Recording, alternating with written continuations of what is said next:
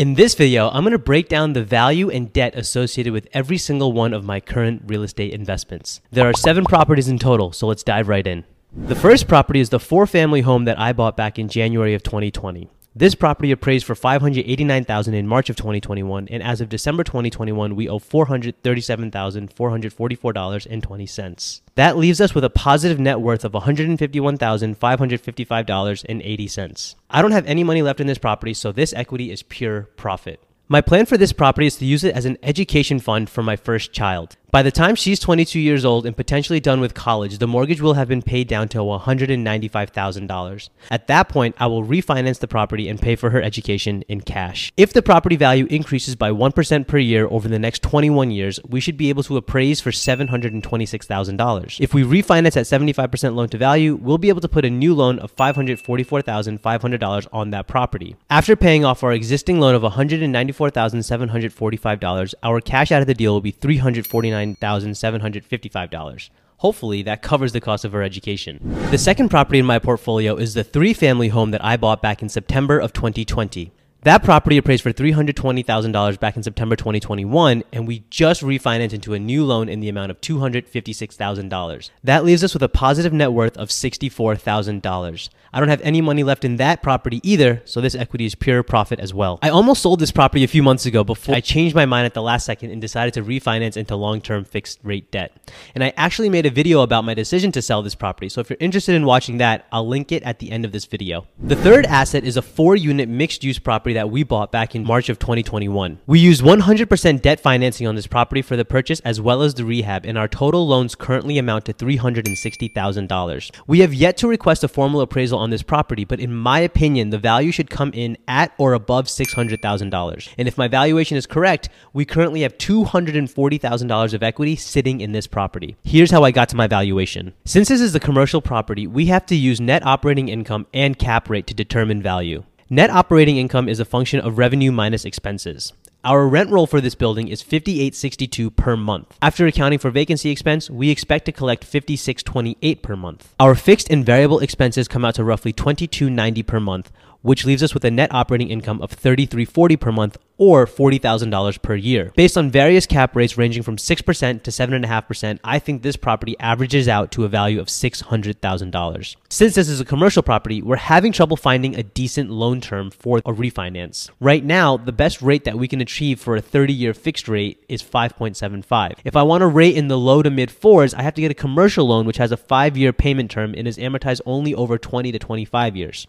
I don't want to deal with refinancing again in five years. So if I can't find a 30 year fixed rate loan in the low fours by the end of Q1 of 2022, we will likely just sell this property and roll the profits into the next deal. I've actually been itching to do a 1031 exchange, so I'm sort of hoping that we don't find that awesome loan. The fourth property in my portfolio is a duplex we bought back in June of 2021. We used 100% debt to finance the purchase price of $485,000, and we're currently under contract to sell this home for $560,000. Technically, our positive equity here is 75K, but this is where things start to get a little hairy. Although there's 75k of equity on this property, we'll be lucky to clear $15,000 in profit on this deal after the sale. The biggest reason we are losing all that equity is the amount of time it took to sell this property. We held this asset for way too long considering our business plan was to flip it immediately.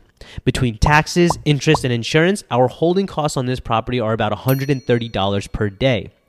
We wanted to be in and out of this asset within 60 days, but it ultimately took us six months to offload it. That's an extra 120 days of carry that ended up costing us an additional $15,000 that we didn't underwrite to.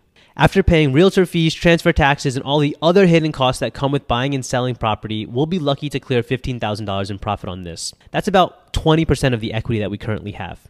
We'd likely be much better off if we held onto this property and refinanced it into long term fixed rate debt, but that was never a part of the business plan here. So we're going to take it on the chin and remember this lesson for our next wholesale opportunity. Which brings me to the next two properties that I just closed on. These are two properties that we acquired off market with the sole intention of immediately reselling. We bought Livingston for 445k and High Street for 410k. Our lender's appraisal for Livingston came back at 500k as is and 475k as is for High Street.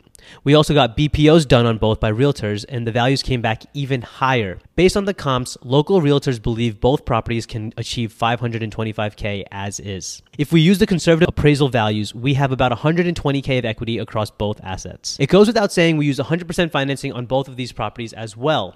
After factoring all of the costs associated with buying and selling these properties, I'm looking forward to making just under six figures on these exits. The last property in my portfolio is my very first new construction project.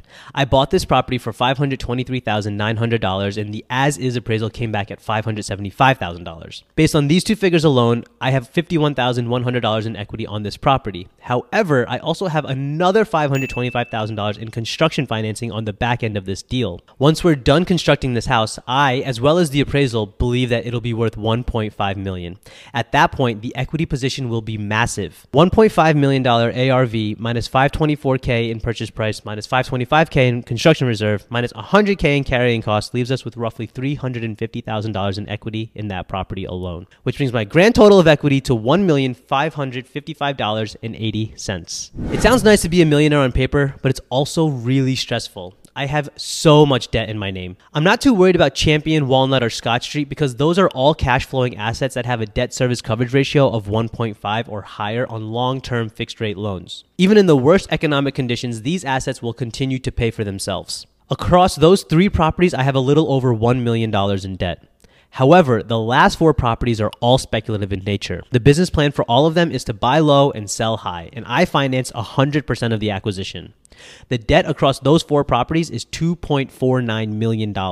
At an average rate of 8%, it will cost me roughly $16,500 per month in interest only to service this debt. At the same time, I'm looking to offload three of those four properties in the next 45 to 60 days, so the stress will hopefully be short lived and the risk will be well worth it.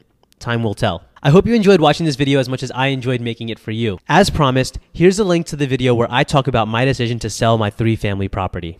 I thought it was a good idea at the time, but ultimately I changed my mind and decided to hold it as a long term rental. Finally, I put out a new video like this every single week, so if you haven't already, please, please, please subscribe to the channel. I don't want you to miss the next one. All right, peace.